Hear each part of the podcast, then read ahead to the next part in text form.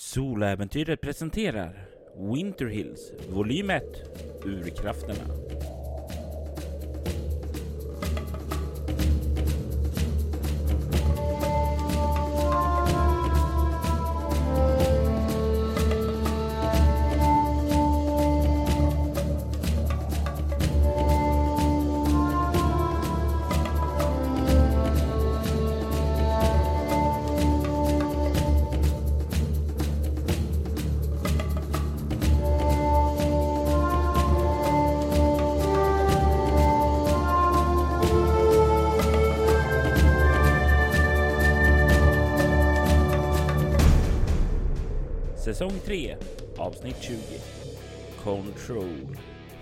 Delen.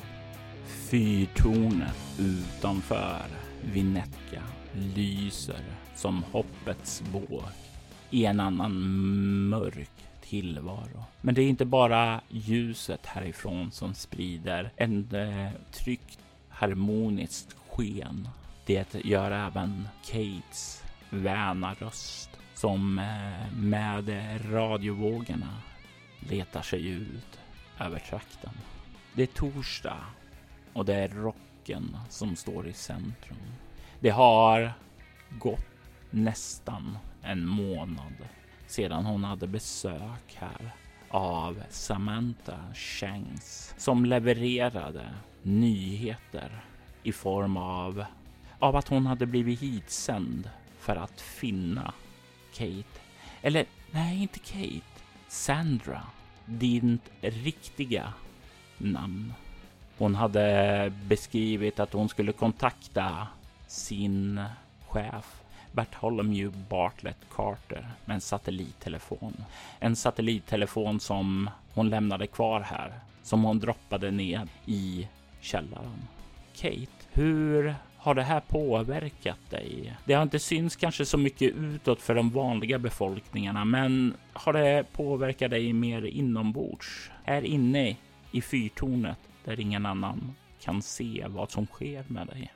Jag har ändå försökt att vara som vanligt och, och vara betryggad i att Samantha gick med på att inte berätta någonting. Att hon lämnade sin telefon här. Men det är som känslor som jag inte har känt sedan jag först kom hit har eh, legat precis i utkanten av mitt medvetande. Den här ångesten som de senaste dagarna främst har visat sig som, som, som om världen har blivit lite, lite trängre, kommit lite mer inpå. Det finns inte riktigt samma utrymme att eh, ha fokus. Eh, som att hela liksom eh, min radar har, har, har tajtats till och blivit snävare. För att det är någonting som ligger där och surrar, en oro eh, och en paranoia eh, som eh, ett tag nästan hade stillats men, men nu är på väg tillbaks. Har det skickats en person så kan det skickats fler. Den enda stora riktiga trösten är ju att ingen kommer komma hit, åtminstone inte förrän juni då nästa transport ska komma. Nu när det är slutet av mars har du ändå lång tid att planera, överväga vad du ska göra. Och under tiden så fortsätter du med din vardag som om ingenting har hänt. Musiken spelas och Vinetkaborna anar ingenting. Det är kväll och nyss så slog du igång nästa maraton av rocklåtar och du har tagit dig ned från din studio som finns längst upp i fyrtornet. Du har tagit dig ned för att ordna med lite te, för du har lite tid att sträcka på benen och röra dig nu när det här musikmaratonet spelas. Jag vill att du börjar med att slå ett lätt slag med kropp obemärkt. Sa du kropp obemärkt? Eller bara Mm. obemärkt? Mm. Kropp obemärkt. Då blir det mycket mer än sexa, det blir elva. Då hör du ett ljud. Ett ljud som är bekant med dig. Vad gjorde du egentligen sedan Samantha lämnat med den där telefonen som droppades nere i källaren? Ligger den kvar där? Den är nog kvar i källaren, men jag undrar om den har stoppats undan in i någon låda, bort ur liksom synfältet, begravt så mycket som jag har kunnat. Och då blir ju det här så mycket mer obehagligt eftersom du har försökt begrava den. Men du kan ändå nu höra ljudsignaler. Ett ganska vagt och dämpat så förvisso mm, komma där nerifrån botten av fyrtornet, nerifrån källaren. Den borde inte höras. Inte om den ligger där du lämnade den. Men du hör den likväl. Jag stelnar till. Um, tror först att jag bara hör, att jag bara får för mig att jag hör i syne. Uh, ehm, men uh, allt eftersom sekunderna tickar på så inser jag att nej, det, det är definitivt, det är definitivt en telefonsignal. Och uh, jag ställer ner tekoppen som jag tagit fram eh, på köksbänken och börjar nästan motvilligt, nästan mekaniskt röra mig mot trappan ner. Och när du börjar röra dig från den här spiraltrappan nedåt så hör du ljudsignalen ifrån satellittelefonen tydligare. Det är som om dess ringande är en olycksbådande klocka som klämtar där nerifrån. Du kommer ned och kan se den stängda källarluckan som finns där. Det ligger ju en matta över den, så ännu en sak som borde dämpa ljudet. Men det hörs så, så klart. Jag förstår inte riktigt hur hjärnan rusar med, med tankar och, och oro eh, över vad det här kan betyda. Och någonstans så finns det den resonabla rösten som försöker säga det, att bara ett telefonsamtal kan inte skada dig.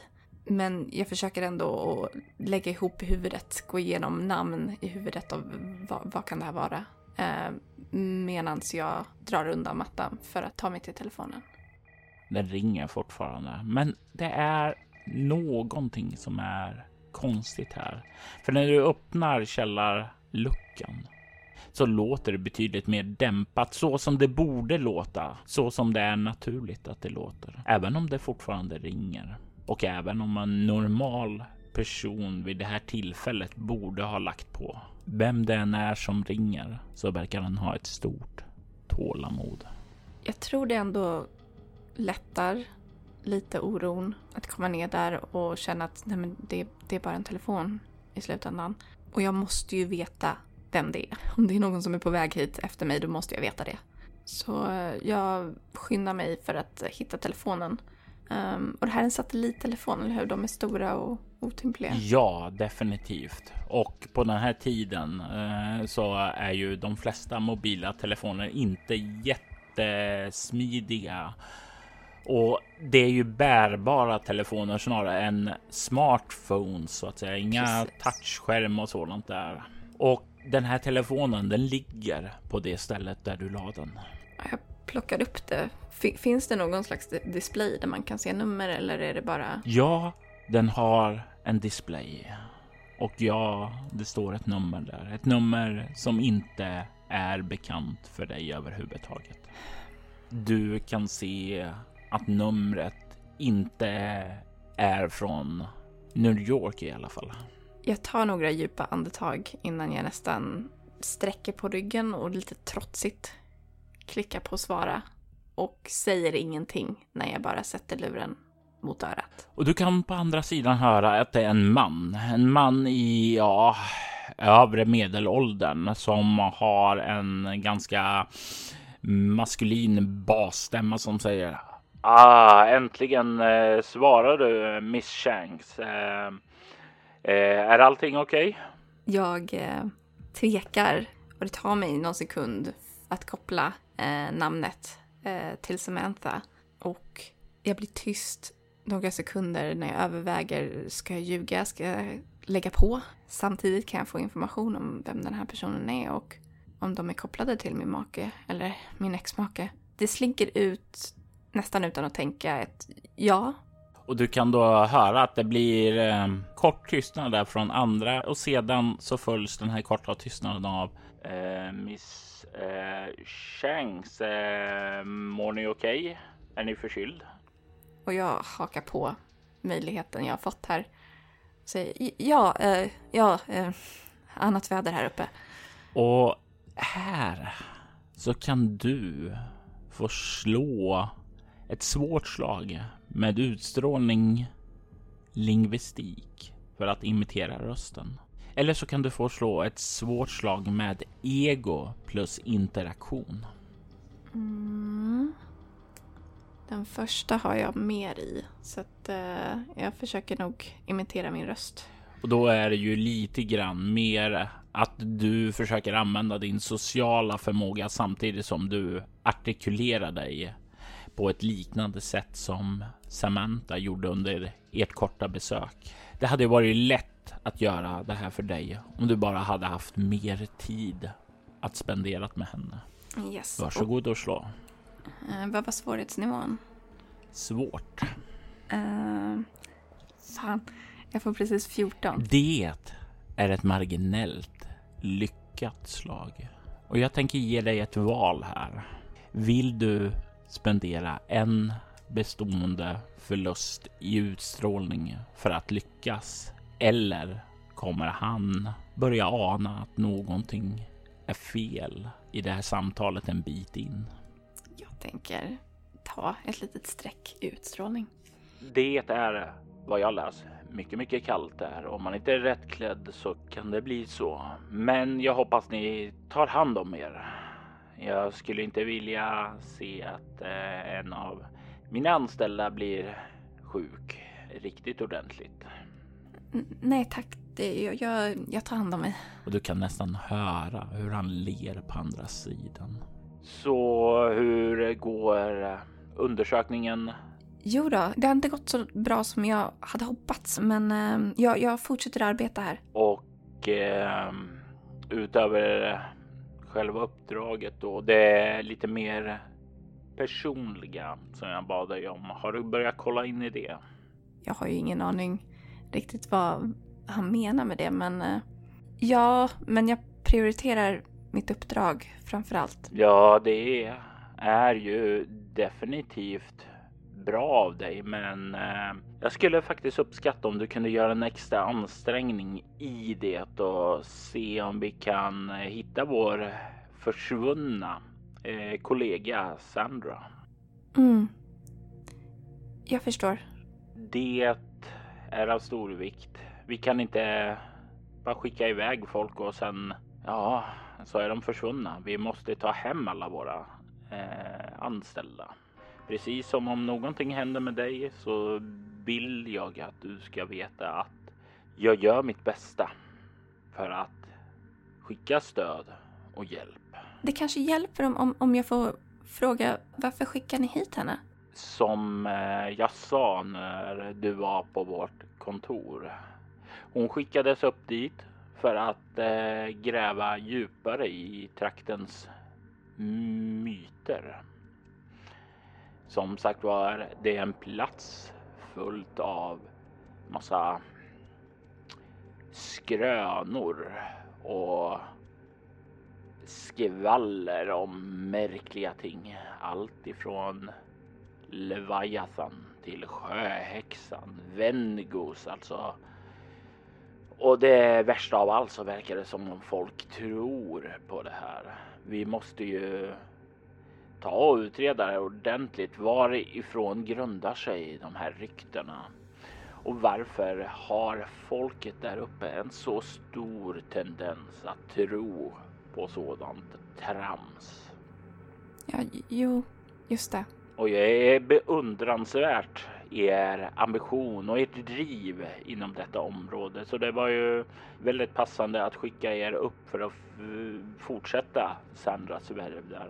Det är få personer som har samma drivenhet som ni har uppvisat. Ni är oerhört duktig på att ta tjuren vid hona och du ska veta att jag uppskattar er ambition väldigt, väldigt mycket. Jag vet ju att jag inte har blivit skickad av den här personen. Mm. Jag undrar om jag kan slå något slag för att läsa av hans röst om han ljuger eller om han tror att han talar sanning. Mm. Jag skulle säga som sagt, det hade varit lätt lättare att göra det om du hade sett kroppsspråket. Mm. Så du, jag skulle säga att det är inte ett lätt slag och det är inte ett motståndslag heller för han gör inte ett aktivt motstånd eftersom han inte vet att det är du på den här sidan av telefonen. Så jag skulle säga att du får slå ett svårt slag med utstrålning plus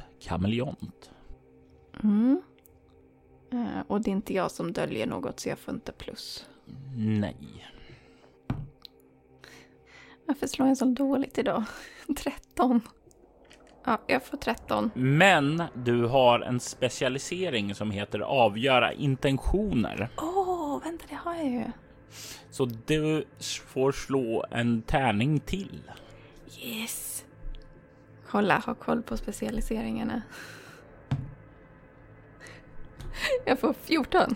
Då ger jag dig ett nytt val här. Det är en man som är svår att läsa.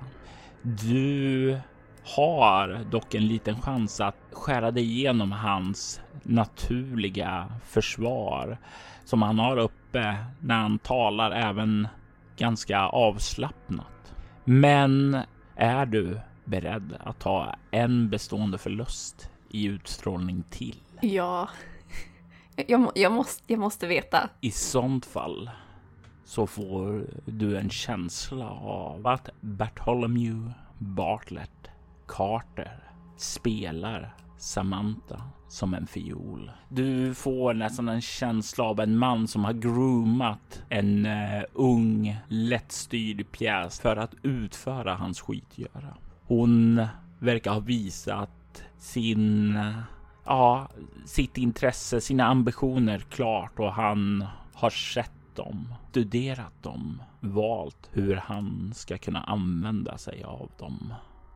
Du får en känsla av att han ljuger för Samantha för att få henne att göra vad han vill. Samantha må kanske inte vara här av illvilliga skäl, men han har definitivt skickat henne av skäl som får gåshud att bildas på dina armar. Och eh, jag tror jag också känner en viss ilska och bestämdhet som brusar upp.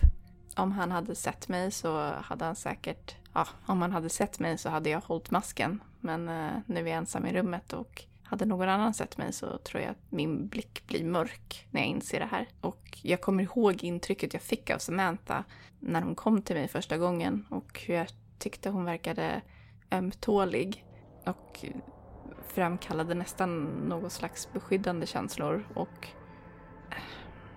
efter vad jag har varit med om, människor som utnyttjar andra, män som utnyttjar kvinnor, det är, det är en öm punkt. Hur öm är den här punkten? Är den så öm att masken fallerar eller håller du fortfarande kontroll över dig själv? Jag är disciplinerad och att hålla masken är det jag är bra på. Så det är nog inte något annat än mitt ansikte som avslöjar mig när jag återigen lägger på Samanthas röst och svarar det att ja, tack. Jag ska göra mitt bästa. Jag kan inte kräva något mer. Jag eh, hoppas på att få en, rapport ifrån dig. Låt oss säga om eh, två veckor. Okej. Okay. Då önskar jag er en eh, god natt, Miss Shanks. Detsamma. Och du hör hur han lägger på. Och du står kvar där nere i källaren med satellittelefonen i din hand. Och jag andas nog djupt och frustrerat och argt. Och en del vill liksom slänga den här telefonen i väggen. Men eh, det kommer inte hjälpa någonting.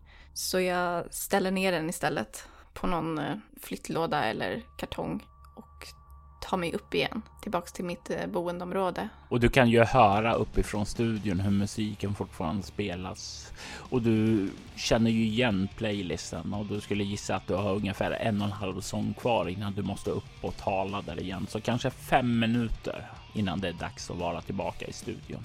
V vad har jag för möjligheter att kontakta omvärlden runt omkring mig? Omvärlden inte särskilt många alls. För det är Mhm. ju här du är isolerad. Men du har möjlighet att kontakta eh, Vinetka. Eh, du har ju en kortvågsradio och kan nå folk här i trakten. Har jag möjlighet att nå direkt till Samantha? Ja, det har du. Då Samantha var över här förra gången så skulle hon ju kontakta dig när hon kom hem för att säga att hon kom hem tryggt och det hade löst sig med den kraschade bandvagnen. Och du fick hennes frekvens då. Så ja, du kan kontakta henne. Eh, då, då kommer jag att försöka ja, nå in på hennes frekvens och eh, anropa henne. Men eh, du får inga svar där som om de inte är hemma och du tänker en torsdag. Ja, nej, då borde kanske inte vara inne i stan då eftersom det inte händer så mycket såvida de inte är på något ärende eller sådant. Kanske, kanske försöka lite igen senare. För nu börjar det bli dags att ta sig upp till radion och eh, ha den här lilla pratstunden innan du sätter på en ny dos av musik. Jag eh, gör precis så att eh, jag ger upp på anropningen för nu och eh, jag plockar på mig temuggen som jag lämnade tidigare. Tar några djupa andetag på väg upp tillbaks eh, till min studio för att eh, lugna ner mig och lugna nerverna. Ehm, och med några sista djupa andetag klistrar jag på det här leendet, den här personen som jag har. Ehm, fejdar ut min musik och eh, säger. Och vi är tillbaks från eh, musikpausen. Det här är Kate Robinson som eh, sänder till er från Fyrtornet. Och du fortsätter sedan att prata. Prata som du alltid gör. Det här är någonting som kommer naturligt för dig. Något som du har en naturlig fallenhet för. Någonting som uppskattas av Vinetgaborna. Kvällen förflyter och du sätter till slut på den långa maratonlistan. Den som du sätter på innan du kliver ut från studion för kvällen. Den som spelas över natten. Den som rullar på. Och klockan är väl runt midnatt nu då du kliver av ditt arbetspass. Jag eh, lägger ifrån mig mina hörlurar och stänger av micken och sträcker på mig. Och eh, lite bestämt tittar ner mot trappen och vet att okej, nu måste jag ta tag i det här. Och rör mig ner mot min, eh, ja, min radio då, min, som jag anropar ifrån. Mm. För att göra ett nytt försök antar jag. Ja, och du försöker nå Samantha över kortvågsradion nu. Men återigen så svarar ingen. Kanske för att det har hunnit bli midnatt och de faktiskt sover vid det här tillfället. Hmm. Visst har jag någon som hjälper mig med typ eh, eh, matinhandling och sådana saker? Ja, det har du. Robert Martin som äger butiken Martins. Han eh, har ju sett till att upprätta eh, en transportkanal ut till dig. Ibland så är det han, ibland är det någon av hans släktingar som är där och kommer med mat till dig. Men eh, du är ju som sagt var inte den enda som får motta leveranser därifrån. Så du har definitivt kontakt med Robert Martin själv då. Mm. För jag tänker att han kanske är den personen som jag ser som lite av min kontakt till eh, Vinetka. Han, han var nog väldigt behjälplig när du kom hit och skulle börja restaurera det här fyrtornet för att göra om det till ett eh, studio då så att säga. Mm. Och eh, han hjälpte dig med kontakter och sådant. Han visste vem du skulle prata med och det var nog han också som såg till eh, att hjälpa dig att eh, köpa det här fyrtornet också när du anlände hit då. Mm. Eh, så jag tror att det, tanken slår mig att så här, åh, ska jag ringa honom och, och se om han har koll eller kan lämna ett meddelande. Men sen så tar jag då en klick, titt på klockan och inser att, ja vänta, jag kan inte ringa honom mitt i natten. Det känns inte schysst. Och jag tror, något frustrerat nu så suckar jag lite och tittar runt i rummet, tittar på den här radion. Um, försöker komma på om det finns någonting annat jag kan göra nu. För det känns brådskande. Jag vill göra någonting nu. Du kan ju alltid lämna tornet och bege dig ut till eh, Samantas hem. Du vet ju trots allt var Gilberts stuga ligger någonstans. Jag kan det, men nej, det är bara en nödlösning. Fast det slår ju mig att jag, jag, jag kan ju lämna den en liten stund, eller hur? Utan att ha några negativa effekter. Ja, det stämmer. Den skyddsbarriär som du har upprättat kring det här fyrtornet gör att du kan varje vecka lämna det under sammanlagt sju timmar. En timma per dag i veckan. Och efter det så börjar återigen det som finns i din mage att växa. Så ja, tekniskt sett så skulle du kunna lämna det.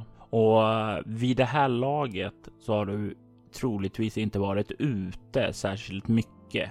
Kanske några sådana enklare gå ut på eh, den här lilla balkongen som finns runt radiostationen där på toppvåningen av fyrtornet. Bara för att andas in lite frisk luft. Men det handlar ju om ja, kanske någon halvtimme som mest. Så du har fortfarande tid kvar. Vad har du i överlevnad? Eller fordon? Det här är en sån dum idé, men ja. Eh, eh, ett i överlevnad. Fordon likaså ett. Du slås ju av att eh, du skulle behöva gå in till staden eh, i sånt fall och därifrån låna någons bil för att ta dig ut. Och med tanke på att det är eh, minus 40 grader nu och det, det blåser ganska mycket där ute nu och det snöar samtidigt så får du nog en känsla när du tänker efter att nej, det är nog ingen bra idé. Eh, kanske bättre i sånt fall att vänta till imorgon då de samhället börjar vakna upp. Jag tror det är exakt det som slår mig att den här viljan att få göra någonting är väldigt stark. Men ju mer jag tänker på saken så inser jag att de kan, det kan ju bara vara så att de har varit ute på en ärende och nu är det mitt i natten och ta det lugnt, vänta till imorgon. Det är inte panik. Så jag intalar mig själv att uh, Kate, nu lägg ner. Stressa inte upp dig. Du är trygg här och uh, släcker nog ner för att gå och lägga mig istället. Hur är Kate klädd? Hur uh, sover hon? Innan så, så levde jag ju ändå rätt välbärgat med min exmake. Så jag är nog inte en gammal t-shirt person. Utan jag tror jag har någon slags pyjamas som jag sover i. Det skadar ju definitivt inte att ha en pyjamas på sig när man lever i ett kallt vinterlandskap. Du lägger dig och glider in i sömnens rike. Det här skulle kunna vara en natt då du hemsöktes av mardrömmar eftersom minnena har blossat upp. Men det kommer inga mardrömmar. Inte här i fyrtornet. Din skyddsbarriär kring det förhindrar ju kopplingarna in till drömmarna. De kommer inte in till dig så du slipper mardrömmar. Men även om inte mardrömmarna stör dig så är det någonting annat som stör dig. Du kan höra någon nynna på en gammal barnramsa. Är Amanda bekant med Pop Goes the Weasel? Ja. Det är den som en mansröst nynnar på i ditt mörka rum. Och det är det nynnandet som du vaknar till av i din säng. Hör jag det fortfarande när jag vaknar? Ja, det är någon i ditt nedsläckta rum. Jag ligger nog först bara frusen och försöker att inte röra mig och inser att jag måste fortsätta andas så att jag kan låtsas sova och försöka få en uppfattning om vad tusan det kommer ifrån. Är det liksom vart i rummet är ljudet? Vad har du i obemärkt? Två. Du skulle nog gissa att det kommer bort ifrån det här köksbordet, det här höga. Troligtvis så sitter den här mannen på den här höga barstolen då som du har där. En av de två. Och du får en känsla av att han sitter där och stirrar bort emot dig. Du kan inte se det för det är mörkt, men du får den känslan. I hate this.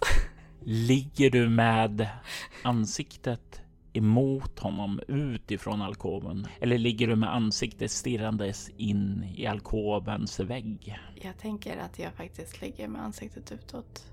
Du har inte öppnat ögonen ännu. Men vill du försöka göra det och stirra bort där? Det är ju mörkt i rummet, det vet du. Ja. Men det finns ju alltid lite sådana här små ljus från olika displays och sådant där som du kan ana konturer ifrån. Jag vill nog försiktigt börja öppna ögonen. Du kan ana gestalterna av en, eh, ja, det ser ut att bara, inte en kraftig man. Han verkar ha krulligt hår och kroppen verkar inte alltför kraftig, nästan på gränsen till smal. Men det är ungefär det du kan se ifrån de olika displayerna. Du kan också ana en klocka där som står borta på bordet och du kan se att hon är 02.23. Den här mannen som sitter där verkar sakta resa sig upp. Inte snabbt, inte vårdslös, utan lite försiktigt och du är inte helt säker på att han har sett att du börjar öppna ögonen. Ligger du kvar? Eller gör du någonting? Jag ligger kvar och försöker gå igenom i huvudet vilka saker jag har i närheten som skulle kunna användas som ett vapen. Vad tror du att du har i närheten som skulle kunna användas som ett vapen? Spontant eh, så tänker jag att jag kanske har någon slags lampa på ehm, ett nattduksbord. Um, som man bara kan smälla in i någon. Ehm, men det är utöver det som jag försöker bara... Vad har jag runt om i rummet? Kan jag ha till och med någon kvast eller någonting som är mer liksom eh, avstånd om man skulle behöva slå till någon. Det låter fullt rimligt. Ehm, och jag tror att jag försöker snabbt liksom titta runt i rummet. Om jag har någon, något mer avlångt. Du spanar ut där och du kan se hur han ställer sig upp och tar några steg bort emot köksvrån. Du kan se hur han verkar gå för att plocka fram tepåsar. Han går för att plocka fram te. Ja, Jag tror jag spannar in min lampa som står vid nattduksbordet och bara förbereder mig i huvudet på att grappa tag i den om jag behöver det. Men annars ligger jag still och väntar för att se vad han gör. du kan se hur han plockar vattenkokaren och börjar fylla den med vatten. Är han så han är vänd bort från mig just nu? Ja, han står med ryggen emot dig. Då tror jag att jag kommer vilja försöka försiktigt glida ur sängen. Då vill jag att du slår ett kropp obemärkt mot hans kropp obemärkt. En nio. Noterat. Du börjar försiktigt ta dig upp ur sängen. Du kan se hur han ställer ned vattenkokaren efter han har fyllt på den och är på väg att sätta igång den. Perfekt. Om vattenkokaren låter då är det mer ljud. Jag vill nu kolla snabbt runt i rummet om det finns något som tyngre. Jag, jag, jag, vill, jag vill ha ett bättre vapen helt enkelt. Jag vill hitta det bästa vapnet jag har i rummet. Det bästa vapnen och sådant, det är ju knivar är ju alltid Mm. praktiskt att använda. Men han står ju där vid alla knivar borta i köksvrån där de är. Japp. Du ser ju också, det finns ju kablar, alltså det skulle kunna användas för att liksom ta och lägga runt halsen och dra åt där. Du kan väl också se på någon hylla att det finns väl någon form av eh, kanske statyett där som skulle kunna användas och det är väl det första bästa som du tänker på utöver den här kvasten då möjligtvis. Mm. Kvasten är väl längre eh, men lite mer eh, bräcklig. Den här statyetten är väl kortare men lite mer hård och bastant. Mm. Och jag tänker det är framförallt det att jag vill ha någonting som är tyngre. Uh, för jag inser att jag... Jag vet inte hur stark den här personen är även om han inte ser jättestark ut. Um, men jag vill inte hamna i en strid. um, så, um, om det är möjligt så vill jag bara kunna knocka honom på en liksom slag. Så jag tror att jag, jag utan att släppa liksom honom i brickan, smyga mig mot min hylla där jag har den här statyetten. Du kommer dit. Det är inte särskilt långt för den är ganska nära den här sängalkoven.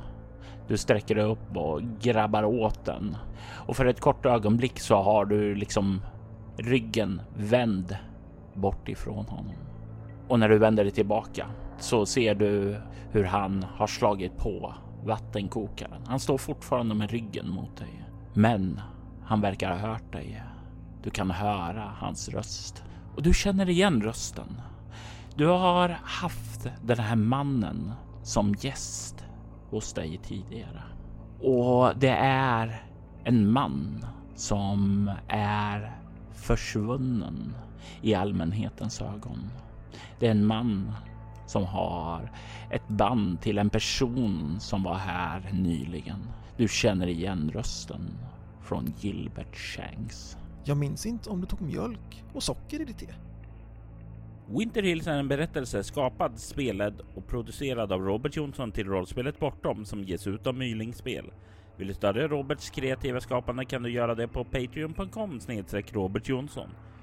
I detta avsnitt hörde du Amanda Stenback som Kate Robinson och Per Arneskans som Gilbert Shanks. Winter Hills temamusik skapades av Andreas Lundström från Sweden Rules. Ni hittar hans musik på Spotify och Soundcloud. Musiken i detta avsnitt gjordes av Eire, Amaranth Co, Apokryfos, Flowers for Body Snatchers, Josef Falkensköld, Lennon Hutton, Metaton Omega, Rocking for Decades, They Fall och Xerxes the Dark. Länkar till skivbolag och artister hittar du i avsnittets inlägg. Soloäventyret är en actual play podcast där vi spelar skräck och science fiction. Ni kan mejla oss på info.bortom.nu, följa oss på Instagram som @spelabortom eller som Soloäventyret på Facebook. Vill ni ha liknande poddar som denna kan ni spana in våra spin-off-poddar Altors vidare och Valery Chronicles. Mer information om dem hittar du på bortom.nu. Mitt namn är Robert Jonsson. Tack för att du har lyssnat. Vi vill ta tillfället i akt att tacka, hylla och hedra våra Patreon-backare. Ty Nilsson. Fredrik Derefelt. Daniel Lantz. Morgan Kullberg. Och Niklas Österlund. Ert stöd är djupt uppskattat. Tack!